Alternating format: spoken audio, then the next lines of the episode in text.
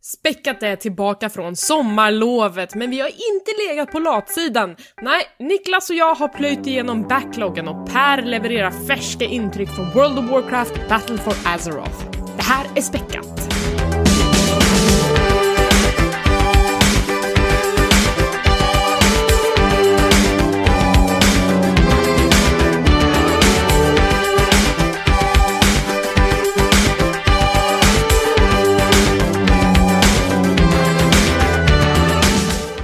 Och välkomna till Späckat, en podcast om spel och allt runt omkring. Det har varit sommaruppehåll, Sverige har brunnit i våran frånvaro, men nu är vi äntligen tillbaka taggade för den matigaste spelhösten kanske i mannaminne. Jag heter Elisabeth och med mig har jag idag Niklas Hej Elisabeth! och Per. Hej Elisabeth! Hej på er, hur mår ni?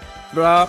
Ja, det är fantastiskt. Vad skönt att vara tillbaka. Ja, skönt att vara Äntligen. tillbaka, eller hur? Vi har saknat de här eh, kvällarna då man får sitta och köta av sig lite grann. Men eh, Per, du och jag, vi har ju faktiskt setts ganska nyligen och fått köta av oss lite grann. Vi var ju på eh, releasefesten för World of Warcraft Battle for Azeroth, där vi också var med Lisa. Så att vi har ju tjuvstartat lite grann. En liten eh, mini-kick-off kan man väl säga egentligen att det var. Ja men Eh, faktiskt, men vi saknar ju Tommy och Niklas. Ja, vi var inte bjudna, platsade inte Ah. i det här sällskapet. Är det ens ett spel som är, in, intresserar, jag tänker först eh, dig Niklas, är du liksom World of Warcraft? Jag vet att vi har rört det här lite grann förut, men är det värt att ta upp, ta upp ändå? Mm, alltså jag är ju lite nyfiken på hur det kan hålla, liksom. Hur, hur länge sedan var det det kom? Var det 17 år sedan? Har jag för mig att jag sa. 2004. Ja. ja, men det att det fortfarande är, jag vet inte, vitalt, uppenbarligen. Eh, Medan liksom ett spel som kanske Destiny 2 bara dör ut efter ett par veckor så spelar folk fortfarande eh, World of Warcraft för fulla muggar. Nu kanske då lite för att den här expansionen väl kommer, är det ju såklart Mm. extra hett.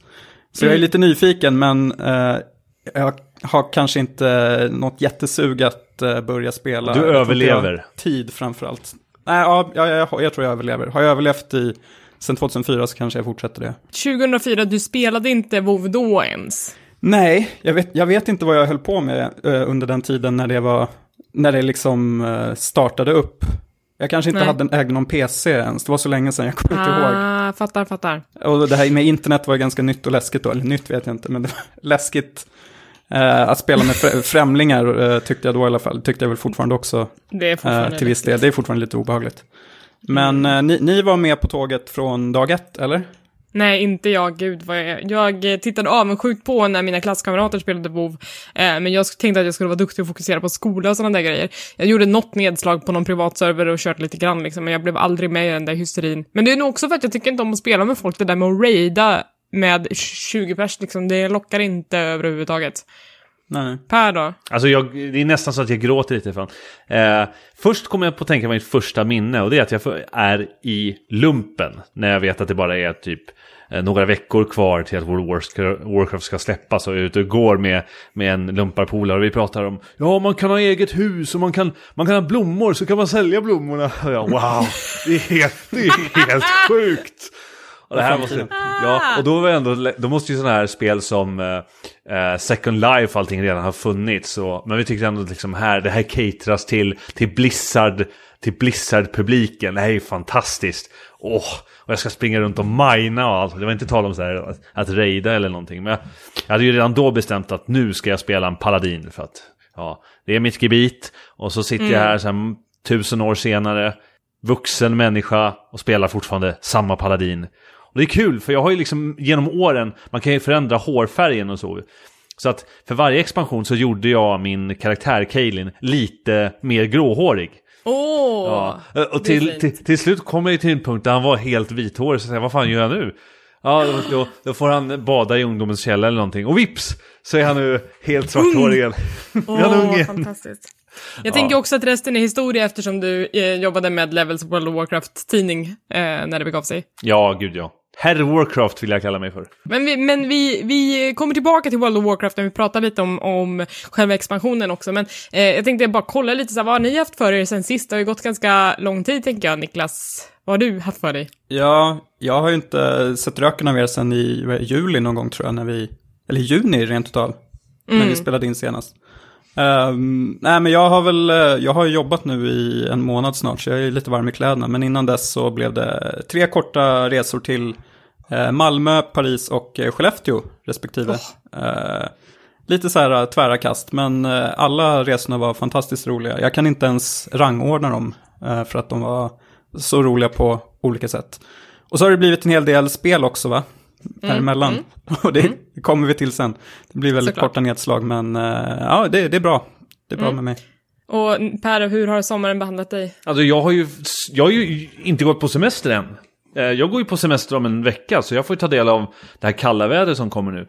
Så att mm. eh, jag har suttit inomhus eh, och jobbat eh, när hettan har varit som värst om kvällarna fått vara ute på de tre haven i Sea of Thieves och plundrat och skändrat och rollspelat pirat. Så att eh, det har inte oh. varit så här himla dåligt faktiskt, måste jag säga. Det låter bra. Ja, det blir mycket spel nu dessutom på semestern, så se fram emot mm. det. Då är det bästa mm. kvar också. Mm. Ja, jag har ju mest dött i hettan känns det som. Men jag har tagit mig an något slags idiotprojekt nu. Uh, jag har nämligen två stycken kokböcker hemma baserade på World of Warcraft och Hearthstone. Och jag tycker att det är dumt att de bara ligger där och skräpar, så att jag har bestämt mig för att jag ska laga mig igenom alla recept i de här böckerna. Eh, och nu har jag börjat så smått, man kan följa det på mitt Instagramkonto, at hangryspice. Eh, jag måste ju bara säga, förlåt att jag sticker in, men jag måste ja, säga att det är, ett, det är ett social media-mässigt S. När jag såg det, jag bara, det här är ju det är ett genidrag. Har någon gjort det här förut? Det här kommer ju... Ja, alltså, jag har sett att folk har gjort det på YouTube, att de har gjort så här matlagningsvideos med recept ifrån böckerna, men kanske inte med ambitionen att laga sig igenom allting.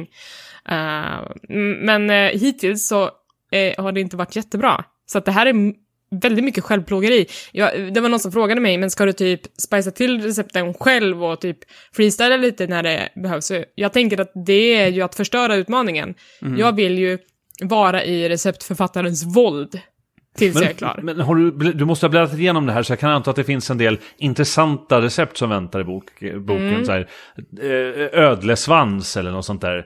Eh, scrambled eggs med, Scrambled med skal. eggs var väl inte konstigt. Nej men eh, alltså jag har bläddrat igenom, det är inte jättekonstiga recept, det är väl mer att eh, när det är en sån här konstig World of Warcraft-ingrediens så har man ett substitut som är kanske lite lättare att få tag på, men eh, jag vet inte, det är nog inget recept som på rak arm står ut jättemycket. Det var någon sån här crunchy spider surprise. Då har de ersatt det med typ crab meat, men de, de verkar vara väldigt spännande att göra. Um, jag vet inte, det är väldigt mycket drinkar. Det kan man ju glädjas åt i alla fall. Och sen så, ja men det är allt ifrån liksom förrätter till desserter, till soppor, till grytor, till bröd, baka bröd liksom. Eh, så det finns en hel del att ge sig på. I Hearthstone-boken är det totalt 46 recept och i World of Warcraft-boken är det 91 stycken. Och jag har inte satt någon gräns, tidsgräns för när jag ska vara klar, utan det får ta den tid det tar, men eh, jag har redan lagat mig igenom fyra stycken tror jag. Intressant att Hearthstone har en egen bok. Det tänker man så här, mm. hur, hur, hur showcasas det i spelet? Typ inte alls. Det enda man Nej, ser... Nej, det gör det inte alls. Det är typ barkeepern, eller vad heter han? Harf, the, the Hearthkeeper. Han, he, han heter ju något speciellt den här dvärgen. Man ser honom med en öl lite då och då eller något. Ja men precis, och så är det bara öl i boken. Nej men eh, i just World of Warcraft-boken så är det ju baserat på items som du kan se eller ha i ditt inventory. Eh, eller som du kan laga med din cooking skill. Men, men Hearthstone-grejerna är mer så här att eh, jag tror att de vill bara framkalla en känsla av att ha den här tavernan där, där man tänker sig att man sitter och spelar Hearthstone, så det är mycket plockmat och mycket drinkar i just den boken. Men eh, ja, det blir kul. Eh, följ det på Instagram medan jag plågar mig själv. Oskamligt. Uh, nej, jag, jag, jag, om jag nu ska utsätta mig själv för det här, då får jag fan plugga för det känner jag. Det tycker jag också. Ja. eh, ska vi snacka lite om vad som hänt i spelvärlden? Det har först och främst hänt väldigt, väldigt mycket och jag tänker att vi kan inte recappa hela sommaren. Det får ni väl läsa på någon spelsajt om allt som har hänt. Men eh, vi, vi har ju ändå valt ut några nyheter och den som eh, jag tänker har väckt mest debatt, i alla fall bland oss precis innan vi eh, började spela in, är ju de här plagierade recensionerna eh, av skribenten Philip Mushin. Är det någon som vill eh, liksom, jag vet inte, ta lid på det här, förklara vad det är som har hänt? Uh, ja, men jag kan väl ta den bollen då, för jag har ju, uh, jag, jag, kände ju till den här skribenten sedan tidigare, för jag uh, tittar varje vecka på Nintendo Voice Chat som är IGNs då Nintendo Talkshow slash podcast, där han då var programledare. Men det som hände då var att han, eh, jag såg ju det här rullas upp nästan i realtid, för jag såg när han postade sin recension som han hade hypat då ganska mycket innan, att det var hans första videorecension för IGN då, och det var av spelet Dead Cells. Eh, så han var ju väldigt nöjd med den då, bevisligen. Eh, men det dröjde inte länge förrän en, ja, liksom ganska mycket mindre då, YouTuber, Boomstick Gaming tror jag han kallar sig, upptäckte då att det var väldigt stora likheter mellan eh, Boomstick Gamings recension som kom någon vecka tidigare tror jag och eh, IGNs eh, recension av Philip Musin. Och så började det då, då liksom nystas upp. Eh, och när den här härvan var utredd, det är den kanske inte ännu, men då kom det ju fram, koms det ju fram till att Philip Musin hade dels plagierat den här recensionen, men han har även plagierat en hel del andra eh, recensioner eh, längre bak i tiden och han har då sedermera fått eh, sparken av IGN som plockade ner hans recension och eh, laddade upp en ny från en mm. ny skribent. Jag kan ju tycka att det är föredömligt agerat av IGN att när de här anklagelserna kom första gången så plockade de omedelbart ner recensionen och sa att vi ska först och främst undersöka det här innan den här har en chans att komma upp igen. Eh, och mm. när de väl liksom hade kommit fram till att ah, det är för stora lik likheter, det var ju både rena formuleringar men också hur recensionen var strukturerad, alltså varje stycke var ju liksom som att de behandlade samma sak i samma ordning. Um, och, och, när det kom fram så var det ju liksom att det här är inte vad vår redaktionella standard står för, liksom. Vi kan inte ha, ha det här kvar. Så att jag tycker att IGN har varit duktiga på att hålla sitt eget face på det sättet. Att man drar inte ner hela tidningen med det där, utan de ser lika allvarligt på det som jag tänker att eh, läsarna gör också, mm. eh, när det kommer till förtroendet. Verkligen. Uh, och sen så, det som hände sen då, efter att uh, Philip Mewson hade fått sparken, så efter några dagar så laddade han upp en egen video då, där han gav sin syn på saken. Vad är en pl plagiatrisk syn på saken? Vad heter det? En kopiators syn Plagia, på saken. Plagiatör kanske? Plagiatör, Plagiatör. Hans egen syn på saken. Ja men det, vadå, det är ingen, det är ingen syn på saken. Jag, jag, tog det och jag skrev om det som om jo, men, det var mitt ja, eget. Det, det, är ju lite så här att han har ju, han måste ju någonstans eh, rädda sin karriär. Han har ju mer eller mindre begått karaktärsmord på sig själv och måste rädda det som räddas kan. Vilket han såklart går ut och försöker jag vet inte, rättfärdiga sitt beteende eller försöka skapa sympatier för, för vad som hänt. Jag måste bara det, det sättet som jag såg på det, eh, såg det här eh, nystas upp, det var ju att eh, Jim Quisition postade eh, om Boomsticks, eller Boom, äh, Boomsticks egen video och gjorde en, en egen grej av det. Varpå jag i realtid tog del av eh, ganska grava hot mot eh, Philip Musins eh, mm. profil. Vilket såklart är allt ifrån okej. Okay. För här sitter en person, eller här sitter massor med personer som liksom aldrig hört talas om karn. Och givetvis så har ju han gjort fel, men som vanligt så liksom hoppar folk på the bandwagon och, och liksom kastar in några gratis, eh, gratis slag mot vad de tycker är fel, fast de inte har kontexten överhuvudtaget. Mm. Mm. Och jag måste bara säga att jag, fram till den här eh, videon som han laddade upp, då tyckte jag, jag, jag, tyckte lite synd om honom, att tänkte att det här var ett, eh, han, han, var, han tänkte inte klart, han var stressad, han var tvungen att han få ville få ut en recension liksom. Han var tvungen att få ut recensionen, han ah. tog en chansning och så vidare. Och jag har ju som, jag har ju som sagt sett Nintendo Voice Chat och tyckte han var, kändes ganska osäker till en början i, i den här programledarrollen, men han växte in i den gradvis. Och jag tyckte han blev liksom en duktig, bra personlighet. Men efter hans egen video, då, då, då tappade jag liksom helt tålamodet. Och droppen var väl Så det var spiken typ, i kistan liksom? Det var spiken i kistan. Han bad ju liksom inte om ursäkt eh, direkt Nej. till någon. Inte till Boomstick Gaming, utan snarare var det att han, såhär, han erbjöd sina tips till Boomstick Gaming i framtiden. För han var ju också lite såhär, jag har ju själv drivit en YouTube-kanal i många år, så jag vet hur det känns att vara Boomstick Gaming. Ja. Och det är du, och så lämnar han det där, man bara, och? Men det tyder ju på någon form av storhetsvansinne, inte nog att han har då eh, mage att då kopiera eller plagiera det här från första början, då måste han ju någonstans tro att att han kommer undan med det. För att IGN är så pa, en så pass stor aktör. Eh, folk som Boomstick Gaming, de, de syns inte för de är, är så liksom, utanför periferin av vad folk följer. och det kommer aldrig generera någonting. Så någonstans måste han ju tro själv att i och med att han har nått den positionen som han är på så är det någonstans okej. Okay, moraliskt mm. försvarbart i hans bok. Mm. Och det, det, var ju också så, så himla ironiskt på något sätt med den där videon att han, då hade ju Kotaku börjat gräva i den här grejen och, och liksom börjat rapportera om den.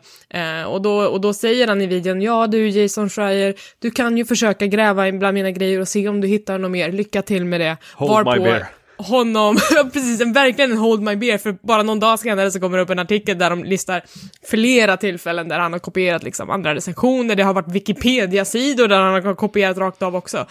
Eh, så att det är ju, det är ju något eh, systematiskt eh, eh, jobb han har gjort här. Eh, mm. Det måste vara det... tacksamt att göra den researchen, liksom bara sätta sig och ta, ja hörni, vad ska vi ta för, för genererat stycke här? kopierar in i, i Googles sökfunktion och, och söker. Ja, men titta, det kom upp. Mm. Och Philip Musen tog ju sen ner sin video då för att den blev ju ganska downvotad om man säger. Så. Det var nog det sämsta sättet han kunde hantera det på. Ja, ja. hade varit bättre om han bara var tyst. Eh, nej, han skulle ha bara gått ut och sagt förlåt. Ja, jo, jag exakt. gjorde ett misstag och jag ber om ursäkt och jag ska inte göra om det. Men inte ens det kan han säga liksom. Nej, så hans karriär eh, ser väl inte liksom superljus ut liksom i den här branschen. Nej, det är eh, spektakulärt ändå. Ja, men vad tror ni som eh, ändå liksom jobbar eh, i, inom det här? Liksom, är, är det vanligt, tror ni, att det händer både utomlands och i svensk media att det eh, plagieras? Eh, liksom när det är stressiga deadlines och hela den biten. Ja, det här med stressiga deadlines har jag svårt att köpa, ärligt talat. Att man... Att bara för att du når en deadline så vill du snabbt liksom kopiera hela format. Jag kan ju säga att eh, utan att nämna några namn så har det ju hänt att eh, formuleringar som jag själv har gjort har blivit mer eller mindre kopierade eh, i ett sammanhang. Eh, sammanhang. Mm. Eh, säkert i andra, andra sammanhang också, eh, men det vet jag inte i så fall. Eh, mm. Jag själv har känt eh, när jag har skrivit recensioner att jag väldigt gärna, i alla fall i, i, i, i när jag var ganska ny. Att ja, men ja, jag vet inte om, om det här betyget som jag sätter där är korrekt. Det kanske är bra att se liksom, vad någon annan tycker. För att, mm. för att jag vill veta, liksom, är jag ute Eh, tänker jag, jag rätt? Är jag på rätt spår här? Ja, mm. vilket såklart går emot liksom hela idén mot... Eh, med en recension? Mot, ja, med en recension, exakt. Så jag, jag, tror definitivt att det är vanligt liksom, bland kollegor i branschen att man tittar på varandra och liksom snor en formulering och tänker ja men, ja, men det där var mm. väl uttryckt, det där vill jag med. Fast jag tror att det kanske handlar mer om generella idéer än rakt av formuleringar som det har varit i det här fallet. Däremot, så nu när jag börjat recensera spel så smått och PT-spel så känns det som att där, där, jag ser att man skulle kunna spara in tid om man känner att deadlinen hägrar, det är ju att man kanske inte spelar klart. Um, ja, exakt. Utan, utan att man spelar början, bildar sig en uppfattning och eh, Sen, och, och sen liksom tänker att det här borde gälla för resten av spelet också, för att det vet jag att många kan bli ganska upprörda över, liksom att hur kan du recensera en story om du inte har sett slutet av storyn? Å andra sidan, kan man kräva en obetald liksom, skribent att man bara, ja, du måste sitta hundra timmar annars får du inte publicera den här texten, alltså där känns det mer som att det kan tummas mer på. Jag har själv inte gjort det liksom hittills. Jag är ändå en sån som, jag kan skriva en outline innan jag är färdig med spelet, men jag vill gärna se det i mål innan jag liksom trycker på publicera så att jag känner att min åsikt är cementerad eller om jag måste justera någonting i slutet. Mm. Det vill jag säga att det är inte alltid helt, helt möjligt. Om du har ett spel på, säg 80-100 timmars speltid och du har mm. fått en mm. deadline där du både ska skriva, liksom, eller liksom inom, säg, inom tre dagar mm. och du ska hinna spela samt skriva eller eh, publicera den på annat sätt. Eller spela in material, ja. du kanske inte har fått koden i förväg så att du kanske bara har de här tre dagarna sedan släpp ja. på dig. Alltså... Det, det, då hjälper det att vara väldigt tydlig och där till exempel jag som har då eh, recenserat MMO-spel genom året, vilket jag skulle säga är bland den absolut svåraste genren i liksom, hela spelvärlden att recensera just på grund av dess längd och dess märkligare format det har ju utvecklats, för där släpper man ju numera alltid ett första intryck. Var väldigt, mm. väldigt tydlig, för att man, liksom, man vill få ut något där. Eh, så att folk ska kunna läsa, men hon är också väldigt tydlig med att man inte sätter något betyg. Eh, där måste man ju både levla liksom, eh, till maxnivå för att ta del av slut, slutmaterialet. Eh, kanske till och med liksom börja rejda, vilket oftast är ganska svåråtkomligt för en enskild skribent. Eh, så, så, sånt där, men, men där gäller ju som sagt bara i grund och botten att vara väldigt transparent med och... Ja, och säga att jag har spelat så här långt i historien och eh, liksom det här är mitt intryck hittills. Ehm, så tycker jag absolut att man kan få recensera, för att eh, som sagt, det är, det är många som inte ens får betalt för att göra den här sortens jobb. I, i GM-fallet så är det ju inte så, han, han har väl fått betalt för den recensionen, men... ehm, mm. Jag måste ju snabbt sticka in med det. Det där är en av mina favoritsaker som jag såg. För jag har ju jobbat på svenska IGN. Eh, vilket inte alls har några eh, relationer eller kontakter med liksom, den, det internationella IGN. Men det var kul att se folks kommentarer när, de, när, när folk kunde vara upprörda. Ja, jag undrar hur mycket du har fått betalt för det här. Ja, eh, ingenting. vi, Ja. vi frilansskribenter alla allihopa som inte får en enda peng för att skriva det här. Nej, i Sverige är det väldigt ovanligt att bli, bli betald för att recensera spel. Tyvärr. Det är ju tråkigt, men eh, ja, det är svårt generellt. Eh, vi är ju uppenbarligen väldigt passionerade om, över den här frågan, men jag tänkte att vi skulle sticka in en annan grej som har hänt nu och allra senaste, och det handlar om en streamer som är Twitchs största streamare just nu. Ninja heter han. Han spräckte just rekordet på 10 miljoner följare. Ingen annan har så mycket på Twitch. Eh, och den som är typ i, närheten har typ, jag inte, 7 miljoner. Så det är liksom ett miljoneglapp mellan ettan och tvåan när det kommer till privatpersoner som streamar. Eh, han har gjort ett ganska kontroversiellt uttalande där han har sagt att jag streamar inte tillsammans med kvinnliga spelare. För att, och det här blir ju lite luddigt liksom, men han, har ju, han är ju då gift med en kvinna och han vill bespara henne att det ska börja florera rykten om att han är ihop med exakt alla som han spelar med. Ja, det handlar om någon form av skev respekt för hans fru skulle jag säga. I det här Precis. fallet. Ja. Eh, och det här har ju väckt så mycket reaktioner att det ska vara någon slags förklädd sexism eller att liksom, jag, jag vet inte riktigt vad det här är. Att, jag vet inte själv vad jag ska tycka om den här grejen. Jag vet inte, har ni, har ni funderat på det här någonting? Lite grann. Jag tycker att i grund och botten är det sorgligt att eh, en person med sådan stor publik inte kan vara mer professionella. Liksom, att han, han, han försvarade väl med att det är så lätt att det skapas rykten. Så, så att det gör det svårt för honom att överhuvudtaget spela med, med andra kvinnor. Eh, Men någonstans så tycker jag också att det, det, det låter lite tragiskt för man förminskar ju då kvinnor på det sättet att de, de aldrig kan vara med och, och spela med honom för att eh, de skulle förstöra för, eh, för han och hans eh, fru. Eh, mm. Men ligger inte det något i offentlighet generellt? Alltså har inte alla kändisar i, från tidens vagga fått vara med om den här grejen att om två kändisar syns ihop så måste de dejta liksom? Alltså att det har ju alla andra lyckats undkomma med att, mm, tänker jag, eh, att när man är gift med någon så litar man ändå på varandra och att man förstår att du är i en offentlig position, det här, så här funkar Twitch, Jo, så här funkar Twitch-chatten. många kändisar tycker ju någonstans, eller många kändisar har ju PR-managers som ser till att liksom tygla dem med vad de säger. I grund och botten så har ju Ninja uttryckt sig ganska klumpigt, vilket har genererat det här från första början. Sen har han gått ut och sagt, ja på grund av den här artikeln på, på Polygon så eh, har jag hamnat i dålig dager och i dåligt ljus. Eh, jag tycker det återigen handlar om, som så många gånger med Twitch-streamers och eh, eh, spelprofiler generellt, de, de vet inte vad de säger, de kan inte uttrycka sig bättre och han har Nej. försatt sig lite sj- själv i den här situationen. Jag tror inte att han hatar kvinnor. Alltså det, det är inte den slutsatsen jag drar av det här. Men däremot så eh, känns det som att han är ett del av en struktur där det är svårt för tjejer att synas på Twitch överhuvudtaget. Han gör ingenting för att motverka den heller. Det är ju lite där det landar för mig. jag vet ja. inte. Ja, jo, det, det, det låter så också. Jag sitter fortfarande konfunderad över vad, vad uttalandet var egentligen. Det, det lät så otroligt luddigt.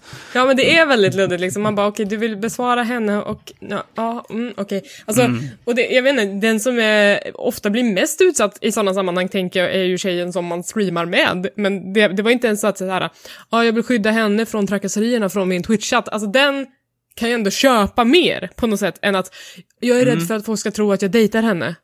Ja, det var jättekonstigt. Hybris. Eh, Ja, det, är- det är också lite hybris på något sätt. Det här kommer väl blåsa över som det mesta liksom. Han, han har en sån enorm fanbase och jag tror att de struntar i det här. Det verkar som att det är liksom alla andra runt omkring som är upprörda. Inte just de som sitter och tittar på hans stream. Kommer ni fortfar- eh, fortsätta följa honom? Jag har ju inte följt honom från början, men jag följer ju, jag följer ju det som, som sägs om honom just för att han är en så inflytelserik person på plattformen. Han spelar Fortnite framförallt, va? Han spelar Fortnite framförallt och han gjorde ju stora rubriker i våras när han spelade tillsammans med en massa kändisar, eh, Drake. som Drake, till Just det. exempel. Just. Så jag har ju tittat på honom och jag ser ju verkligen ingen skillnad gentemot andra streamers. Jag har ju eh, följt... Gapigt och skrikigt, eller? Ja, lite grann. Ja, han är väldigt eh, platt på något sätt. Det är inte så mycket som skiljer honom åt. Man kan ändå se på till exempel YouTubers som Pewdiepie och Markiplier, man bara, ja, ah, jag ser stjärnkvaliteten hos den här personen. Men när jag tittar på Ninja så känns det bara, jag känner ingenting. Ja, han är så otroligt generisk. Och då undrar man, hur, hur går det här Hur till? det till? Eh, Men alltså han fick ju liksom sin stora, stora skjuts när det var ett erbjudande mellan typ Fortnite och Amazon Prime, där det var så att ja, du, får, du får subscriba gratis till någon Fortnite-streamer eller något sånt där om du har Twitch Prime. Alltså det var någon sån där jätteluddig kampanj och då fanns det inte jättemånga Fortnite-streamers och därför så gick allting till honom. Så har jag uppfattat det, att hans kändisskap började på något sätt. Bra timing. eh, Ja, ja men timing och tur tänker jag att det handlar om. Ja, Jättemycket så. Det här, men som sagt, det kommer nog blåsa över. Alltså han är ju samtidigt så harmlös att, okej, det värsta han har gjort är tydligen sagt att han vill inte riktigt streama med tjejer på grund av luddiga anledningar. Det är inte så att han är en Pewdiepie och sitter och skriker n-ordet hela tiden, som jag har förstått Nej. det. Visst känner man sig gammal? Ja, fråga oss bara. Jag är 33, jag är gammal. Ja, men jag menar, det är, så här, det är som att det finns ett glapp mellan, jag är inte längre de, den hippa gamern, jag är ju den gamla gamern nu. Nej, och det är det här jag börjar... Ja, då då. Jag är någon jävla ena foten i graven Det är så här jag börjat känna numera på de senare åren. Och hur, det är nu man börjar liksom kunna se en skillnad på, eller höra en skillnad på hur man själv pratar gentemot kidsen. Och det här, det blir, ja, det tycker jag är väldigt jobbigt för förr man, man identifierade sig med den andra den andra halvan och nu är man plötsligt här, ja dagens ungdomar, fy fan vad de liksom hyfs. Och Jag läser nu också att han har tydligen visst dragit någon rasseförolämpning på sin stream så att, ja ja, han är väl som alla andra då. Ja, ja, ja. Hörni, ska vi gå vidare och prata om vad vi har spelat?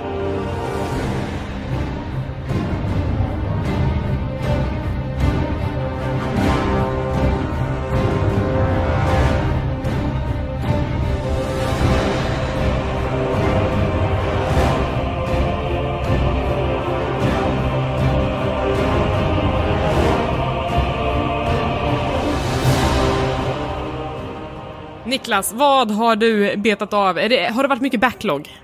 Det har det faktiskt varit. Ehm, jag tänkte, jag blev lite inspirerad där av, ehm, jag tror det var du som tipsade om det, att det var främst under juli som man skulle försöka beta av lite gammalt skräp då eftersom det inte kommer så mycket nytt. Och det, det har jag gjort och det har funkat eh, hyfsat bra för mig.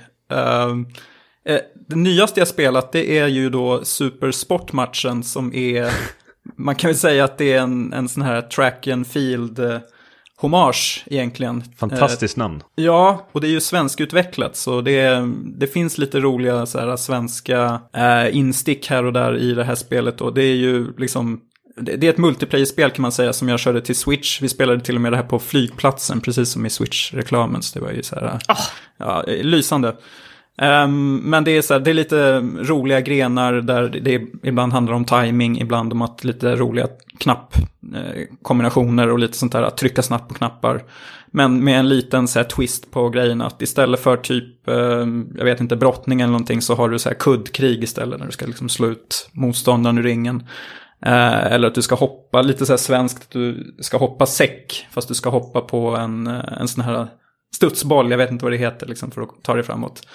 Och det, var, det, det är lättsamt, det är, det är roligt att spela flera. Jag testade att spela själv, eh, det var ganska poänglöst. Men eh, om man vill ha ett lite så här partyspelaktigt eh, alternativ till Switch då till exempel så tycker jag att, eh, att det funkar väldigt bra. Sen så har jag plöjt igenom en hel radda sådana här 2D-plattforms Metroidvania-spel. Eh, med lite blandad kvalitet. Jag vet inte om ni kommer ihåg tidigare i somras, då var alla väldigt eh, exalterade över Hollow Knight som släpptes då till Switch. Det Jag till- tycker de är det fortfarande. Alltså det är som att eh, det, det skapade en liten, liten storm när det kom till PC. Eh, och sen nu när det kom till Switch, då är det som att alla bara wow, det här spelet eh, har jag inte hunnit spela på PC, men nu när det är på Switch så är jag helt plötsligt motiverad att spela det. Och alla tycker att det är svinbra verkligen. Ja, Ja, det är precis exakt. vad jag hör också. Eh, Precis. pratas mycket om Det- det på jobbet. Det är väl nu när Dead Cells eh, äntligen har kommit till Switch som det kanske börjar liksom eh, mattas av lite. Men Hollow Knight, eh, jag, jag är inte så här helt såld på, på det här. Och jag vet inte riktigt varför. Det, det ska ju vara lite så här Dark Souls-inspirerat. Ni vet, det här att ni, ni, ni, samlar upp, ni samlar upp massa loot och ni, om ni dör så tappar ni den. Och får liksom börja om från början. Och, och sen är det också väldigt så här oklart vart du ska ta vägen. Du spelar den här insektskrigaren som hoppar runt i här, Metroidvania-värld. Jag vet inte, det är något som inte riktigt klickar för mig här. Jag känner att det är väldigt mycket så att jag bara famlar i mörkret och inte vet vart jag ska ta vägen. Och jag dör på snöpliga sätt och tappar eh, progress. Och jag vet inte, och sen, sen är tydligen spelet liksom så 70 timmar långt. Och efter 10 timmar så känner jag lite så här, nej jag vet inte. Jag tycker mm -hmm. inte att det har lossnat än, så jag, tror jag lägger ner det här. Eller åtminstone lägger det på is. Ja, okay. Tills vidare. Men jag tycker verkligen ni ska testa det, för eh, alla i princip har ju hyllat det i övrigt. Så det... Mm, jag har ju det liggande i, på Steam, men det kanske är på Switchen man ska fixa det. Får de dubbla pengar av mig? Nej, nej, det ska de inte ha. Spel, spelare till Steam, tycker jag. Uh, däremot, om, om ni inte har spelat Ori and the Blind Forest, uh, som är fyra år gammalt nu, som kom till Xbox och nu också, fin eller som finns till Steam också, så tycker jag att det är hög tid. Um, har ni spelat det? Eller hört Nej, det? men jag ja. vill ju göra det eftersom tvåan är på gång och jag har hört så mycket fint om det. Jag tycker verkligen att Ori and the Blind Forest är ett helt uh, fantastiskt spel. Det är uh, underskön grafik, musik, eller soundtracket är ju också uh, precis lika, eller om par med grafiken. Eh, minimalistiskt berättande så att ett av de eh, bättre Metroidvanias jag har spelat faktiskt. Och ett kalasbra speedrun-spel framförallt. Ja, jag, jag, jag, skriver under på allt. Jag skulle nästan vilja liksom säga att det kanske är det bästa jag har spelat eh, i år. Oj. Nu är det ju ett gammalt spel så det finns ju inte med någon Goti-diskussion men jag tycker att det, det var allt det som jag ville ha av Hollow Knight men som jag inte fick. Det fick Oj. jag här istället. Mm, uh, mm. Här, här är det liksom mer, som Per nämnde, det är fantastiskt vackert och låter jättebra. Och det är, liksom, det är tydligt vart du ska ta vägen och det är jätterolig så här, äh, progress med att du kan återbesöka ställen och få roliga uppgraderingar. Så äh, jag ser jättemycket fram emot äh, uppföljaren nu som kommer nästa år. Det har liksom blivit ett av mina mest emotsedda spel just nu. Kul. Och sen bara lite kort snabbt så fortsätter jag då med eh, lite gamla Switch-spel eh, som jag vet att du Elisabeth har spelat. Eh, Shovel Knight och Celeste. Åh! Oh! Shovel Knight, Shovel Bite. Shovel Knight är ett av världens bästa soundtracks. Ja, det, det låter väldigt bra. Celeste, väldigt, väldigt emotionellt jättebra. Ja, Uh, Shovel Knight är ju, det tycker jag är, kanske främst roligt för att det är så många blinkningar till uh, ja, 8-bitars NES-eran. Både till soundtrack och liksom till spelmekanik och hela den här uh, Ducktails, att du hopp, istället för att du hoppar på skeppen så hoppar du med på din spade. Mm. Uh, väldigt roligt spel också, kul, skön humor. Och Celeste avslutningsvis, det tycker jag, det är kanske ett av de svåraste spelen jag har spelat. Jag fick verkligen så här bita ihop och verkligen kämpa för att ta mig igenom det. Men när jag väl var klar med det så tyckte jag liksom att det var värt mm, alla svordomar. Älskar det. Det var verkligen jättebra. Hur många gånger dog du då? Om du kommer ihåg? Alltså hundratals. Hundra, hundra, hundratals. Men jag eh, tyckte ändå att det var värt det. Jag, tyckte, jag kände mig tillräckligt envis. Jag tyckte att det var värt att komma igenom. Jag kände mig duktig när jag kom förbi ett rum som jag hade liksom kämpat med. Ja, samma här. Jag, jag, jag tror jag dog 1400 gånger. Totalt. Jag, jag är nog inte, långt ifrån det. Ja, jag vet inte om det är bra eller dåligt, men uh, det var i alla fall värt det. Ja. Finns det något sätt för en att hålla, hålla räkningen på hur många gånger du dör? Så ja, att det du... du, kan, du kan kolla upp det. Spelet håller se... räkningen åt dig. Ja, precis. Du, det står i sluttexterna lite så här. Ja, jag tror man kan se det innan till och med också. Ja, precis. Man ser under spelets gång också. Men jag tyckte att det var väldigt fint för att det, det, det behandlar också panikångest. Eh, mm.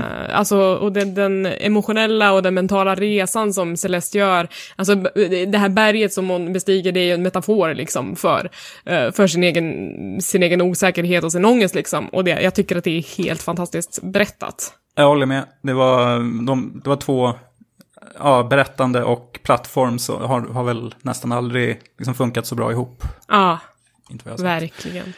Och det var väl min spelsommar. Men ändå bra jobbat Niklas, det är mycket. Det är ganska mycket. Vissa grejer fick jag ju lägga ner, men eh, jag har ändå klarat eh, tre, fyra spel. Det tycker jag ändå är Överlag väldigt mycket 2D-plattform. Ja, jo, men det har ju funkat så bra med switchen tror jag. Det är väl nog därför som eh, mm. nu i sommar det har fungerat väl där. Hur ser det ut för er då? Jag kan, jag kan ta vid här. Jag har också spelat jättemycket spel i sommar, men jag behöver inte prata om allt, för jag har spelat God of War, det har vi redan pratat om i, i eh, podden. Jag har spelat mer Pokémon Go av någon jävla anledning. Ehm, det har ju varit eh, trevligt att ta sig ut liksom. Ehm, men mm, några grejer som har kommit som jag kan ändå nudda vid är ju Octopath Traveler, som var i princip årets mest hypade JRPG som kom till exklusivt till Nintendo Switch. Fantastiskt spel. Inte så bra som folk säger att det är. Jag vet att det har fått, det har fått jättebra recensioner av gamla människor som tycker om 16-bitars RPG. Av alla, av, alla, av alla andra människor som inte liksom är förblindade av sin nostalgi. Det är ett mediokert, jätte, jätte oimponerande spel. Och alldeles för långt och jättetråkigt. Får jag bara fråga, eh, för du, du blottade ju strupen där lite i din P3 Spelrecension där, liksom för ja, de här nostalgikerna. Har du fått någon, har det varit någon backlash på den här eh, recensionen eller har folk varit ändå ganska eh, nyanserade i sina omdömen av den? Eh, Jag har fått mycket kommentarer där folk har varit lite upprörda liksom och att de är så här, hur kan du sätta det här betyget, jag, det fick det sämsta betyget av mig, eh, när det ligger på så här mycket på Metacritic och man bara, men det är ju precis det vi pratade om innan, jag kan ju inte sätta ett betyg bara för att alla andra sätter ett betyg liksom. Eh, men, men när man väl bemöter den kritiken och, och liksom förklarar sin ståndpunkt så brukar folk ändå vara ganska rimliga att ha att göra med. Ja, jag är Så blir orimlig. Jag har skickat förklädda hot till dig under olika pseudonymer för att Ja. jag tycker att eh, nog för att jag har spelat eh, och är, är nostalgiker av rang när det kommer till sådana här eh, gamla eh, JRPG, men jag, jag tycker verkligen att eh, Octopath Traveler är ett väldigt småmysigt spel. Det är inte världens bästa spel. Men jag tycker fortfarande att det gör eh, precis vad det ska göra. Vad man kan förvänta sig av ett eh, JRPG. Jag tycker den här mixen av eh, 2D-grafiken med, med f- eh, bakgrunderna är supersnygg. Och partikeleffekterna som de inkorporerar däremellan. Eh, det enda som jag stör mig lite grann på det är hur mycket de lägger krut på dialogen. Att vissa, i, i, i lång dialog så typ kortar de ner det med, med vad heter det, röstskådespel. Och det blir så här, eh, dialogen säger en sak men röstskådespelaren säger en annan. Och så gör de så här konstiga reaktioner hela tiden. Ah, oh, Fast det, äh. det är jag nästan van vid efter att ha spelat Tommys jävla visual novels. Det rör mig inte i ryggen längre. Mm. Men eh, Tommy har ju också spelat det här. Jag tänker att när Tommy är med så kanske vi kan ha en längre diskussion Nej, om Tommy är på Octopath min Traveler. sida. Det behöver vi. Vi behöver inte ha några fler. Tommy är på min sida, det nej, vet du. Nej. Men eh, däremot så har det kommit några expansioner till befintliga spel som jag ändå vill nudda vid och det är ju No Man's Sky har ju fått No Man's Sky Next och jag har börjat spela det lite grann, jag har inte kommit in jättelångt i det, men det känns väldigt bra att kunna spela multiplayer. Jag har spelat tillsammans med Micke ganska mycket och det är supermysigt att driva runt i rymden tillsammans, eh, bygga bas, questa lite, samla lite. Det är väldigt mycket som har gjorts om. Så att de som förväntade sig en viss grej av No Man's Sky som innehöll multiplayer och sådär när det kom och inte fick det och blev besvikna, nu är det där. Om du kan tänka dig att ge det en andra chans, så gör det. Ehm, för det, det är verkligen mycket, mycket mer vad jag tänkte att det skulle vara nu än vad det var förut. Ehm, så att det, är väl- det är ett spel som jag faktiskt längtar efter att spela, liksom nu. Så pass? Mm. Så det, det är bra, bra räddat av Hello Games, tycker jag ändå att det var. De har, inte, de har inte snackat så mycket, utan de har satt sig och försökt liksom göra rätt för sig de här två åren som har gått sen, sen den där katastrofala releasen som de hade. Allt är glömt. Inte allt. Ja, det är ju inte det. Jag minns hur det var, jag minns hur det var, men jag kan ändå respektera att de har lagt in det där jobbet nu som, som krävdes. Eh, och sen, det som jag tycker har varit nästan absolut bäst av det jag har spelat är den nya expansionen till Splatoon 2, Octo Expansion, som är ett adderat single player-läge till eh, då Splatoon. Eh, det är ju som en FPS-plattformare med pussel man ska lösa och det är 80 nya banor, man måste inte spela allihopa för att nå liksom sluttexterna, men, men de har gamifierat det som ett tunnelbanenät så att varje station är en bana. Och den rena spelglädjen som jag upplevde när jag spelade igenom Octo Expansion är helt fantastisk. Jag älskar Splatoon och det som det gör med, eh, jag vet inte, FPS och liksom med plattformandet. Det är, även om man inte är en multiplayer-spelare så finns det så mycket bra att hämta i single player-kampanjen där. Det är verkligen kanon och jag blir lika arg på det ibland som jag blir på Celeste. Eh, Oj. Ja, ja men det Men kan man, Kan man, Superklurigt. spela, kan man spela mot um, liksom bottar i det här liksom multiplayer-läget? Och är det roligt? Jag tänker om man skulle plocka upp det här men inte vill, inte vill spela mot andra. Nej men alltså single player-läget är ju ändå, det är ju 20 timmar, 25, 20-25 timmar i, i ursprungsspelet och sen så är det säkert en 10-15 timmar till i den nya expansionen så att bara där Ja. kan du ju plöja ganska mycket tid. Och sen utöver det så finns det ju då eh, Salmon Run som är PVE, multiplayer och sen så har du vanlig PVP också. Eh, men den är också väldigt rolig. Det är väldigt Okej. roligt med Splatoon 2. Så att, ja, eh, li, li, lite småsugen. Ja, alltså jag kan varmt rekommendera det här spelet. Det, det smyger lite under radarn, men så värt det. Eh, Och jättebra expansion, väldigt värd pengarna. Mycket, mycket content och mycket spelglädje. Kul. Per. Ja, jag har eh, rört de första timmarna på eh, Battle for Azeroth, det vill säga den nya World of Warcraft-expansionen. Jag har faktiskt tappat räkningen nu hur många expansioner som har släppts genom året. Jag ska inte förvåna om det var typ sjunde eller åttonde där någonstans. Och ehm, eh, i vanlig ordning så är det väldigt svårt att säga om det är eh, Eh, jättebra eller eh, jättedåligt. Eh, varje ny expansion handlar ju om att återuppfinna sig själv lite grann för att liksom locka tillbaka och bibehålla så många spelare som möjligt. Eh, så att jag har bara några timmars första intryck på vägen upp till level 120. Men det som jag noterar främst med det här spelet, eh, eller den här expansionen, är att Blizzard har lagt fruktansvärt mycket krut på eh, eh, cutscenes, eller mindre mindre animerade sekvenser. Där ens egen karaktär inkorporeras i storyn. Och det här är förvisso ingenting nytt, men de har verkligen dragit i femmans växel vad gäller eh, narrativet och få karaktärerna att känna sig ytterligare som en, en hjälte i, i storyn. Och eh, eh, en av eh, Blizzards ansvariga för de här filmsekvenserna, Terran Gregory, som twittrar ganska frenetiskt Eh, rekommenderar varmt att följa honom för övrigt. Han sa det, ja håll i hatten, nu är det viktigt att ni är redo med era printscreen-fingrar. Åh. Och eh, det, det, det ligger någonting i det han, han säger, för att hittills av det jag har tagit del i så är jag... Eh, jag har fått ganska mycket gåshud över den story som har börjat så här, nystas upp. Och eh, återigen, jag blir så imponerad över, över en så pass gammal story, hur de hittar liksom nya vinklar på det trots allt. Och det är, det är inte, det är inte allt för krystat, utan det känns som att arvet efter Chris Metzen är ganska välvårdat. Men vad kände du när eh, Sylvanas eh, tuttade på trädet? Jag, jag tycker att det är många som pratar om det här som Garrosh 2.0, det vill säga eh, Hordes gamla Warchief, som var precis lika, lika galen. Och det ligger någonting i det, och det har debatterats flitigt. Och jag tycker att jag tycker att det är ett smart drag. Eh, som spelare så blir jag såklart provocerad. Och det spär på konflikten ytterligare. Men det är precis det man vill för att skapa liksom eh, skapa Du känslor. vill ha den här Alliance vs Horde, att den känslan ska bli lika stark som den var i början igen nästan. Ja, lite grann. Jag tycker det är kul hur, hur spelarna reagerar och svarar på det. Så Blizzard är helt rätt ut i det här fallet. Så att, ja, tråkigt att de brände en liksom så stor symbol. Men samtidigt spelmässigt så var den inte så här jättebesökt. Men ehm, jag noterar också att, att de har lagt väldigt mycket krut på att huvudkaraktärerna är eh, majoriteten kvinnor. Jaina Proudmore som är liksom en av World War, eller Warcraft-historiens eh, mest åter, återkommande karaktärer har de verkligen djupdykt, u- djupdykt i nu den här expansionen. Och jag jag satt häromdagen och kom, kom på mig själv med nästan så här börja gråta för att jag tycker att scenerna var så himla bra. Så jag är jättepepp på det som kommer. Så att själva questandet inte så mycket kul, men hela narrativa biten som Blizzard jobbar på, de har någonting på gång. Vad roligt. Jag tänker att vi kommer återbesöka det här under kommande avsnitt av Späckat, eller hur? Definitivt. Ja, Per, du har ju en ung, eller ung, Apprentice. En lärling. en gammal adept. En, en, en, en ny gammal adept som skickar mig bilder på hur taggad han är på att spela mer World of Warcraft för första gången. Han är med, han är med i späckat. Han är med i späckat, han heter Tommy Jansson. Åh, Spännande.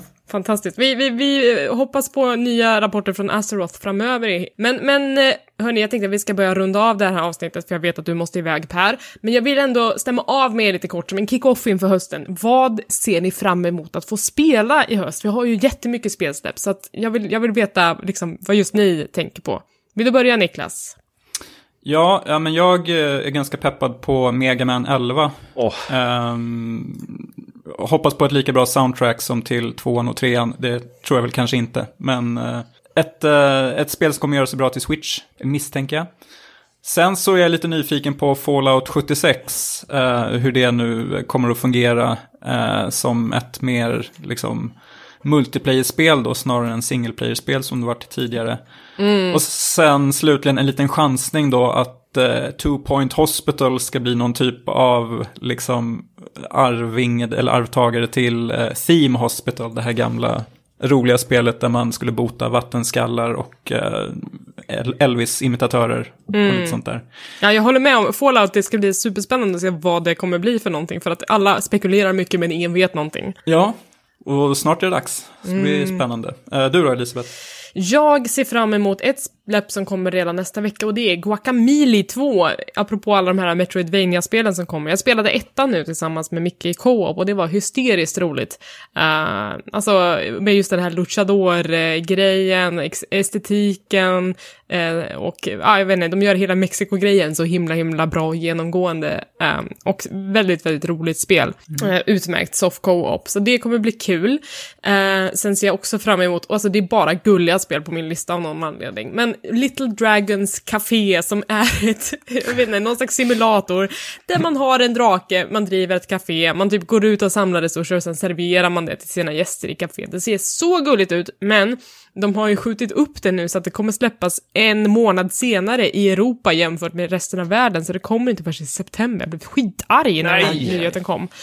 Eh, och sen slutligen på min lista så har jag ju Pokémon Let's Go. Eh, Alltid där när det kommer nya Pokémon-spelen. sånt jävla dumt namn. När de ska integrera med Pokémon Go, som jag ändå har börjat med nu igen, så känns det superspännande. Jag vill se om det, det blir bra och hur det kommer funka på Switch, helt enkelt. Per då? Eh, Min höst går i fighting-genrens tecken. Eh, Först är det tecken, tecken 7, eh, Season 2 Pass, som kommer släppa en eh, väldigt efterlängtad karaktär som eh, var min main en gång i tiden. Eh, Leivo Long. Och det släpps också i samband med, eller, med den här karaktären, eh, vad heter han, Negan från, Walking Dead, just det. Walking Dead. Jättekonstigt, men det blir säkert fantastiskt. Så konstig crossover. Väldigt konstig crossover. Eh, och sen i oktober så släpps ju eh, för mig det mycket efterlängtade Soul Calibur 6. Eh, med eh, Geralt som eh, gästande karaktär. Så jag tror att det kan bli hur bra som helst. Oj. Kul! Ja, hörni, jag får, vi får nog tacka för idag helt enkelt. Om du som lyssnar tycker att Späckat är en bra podd, glöm inte att lämna lite stjärna på iTunes. Då hjälper ni oss att nå ut till fler lyssnare.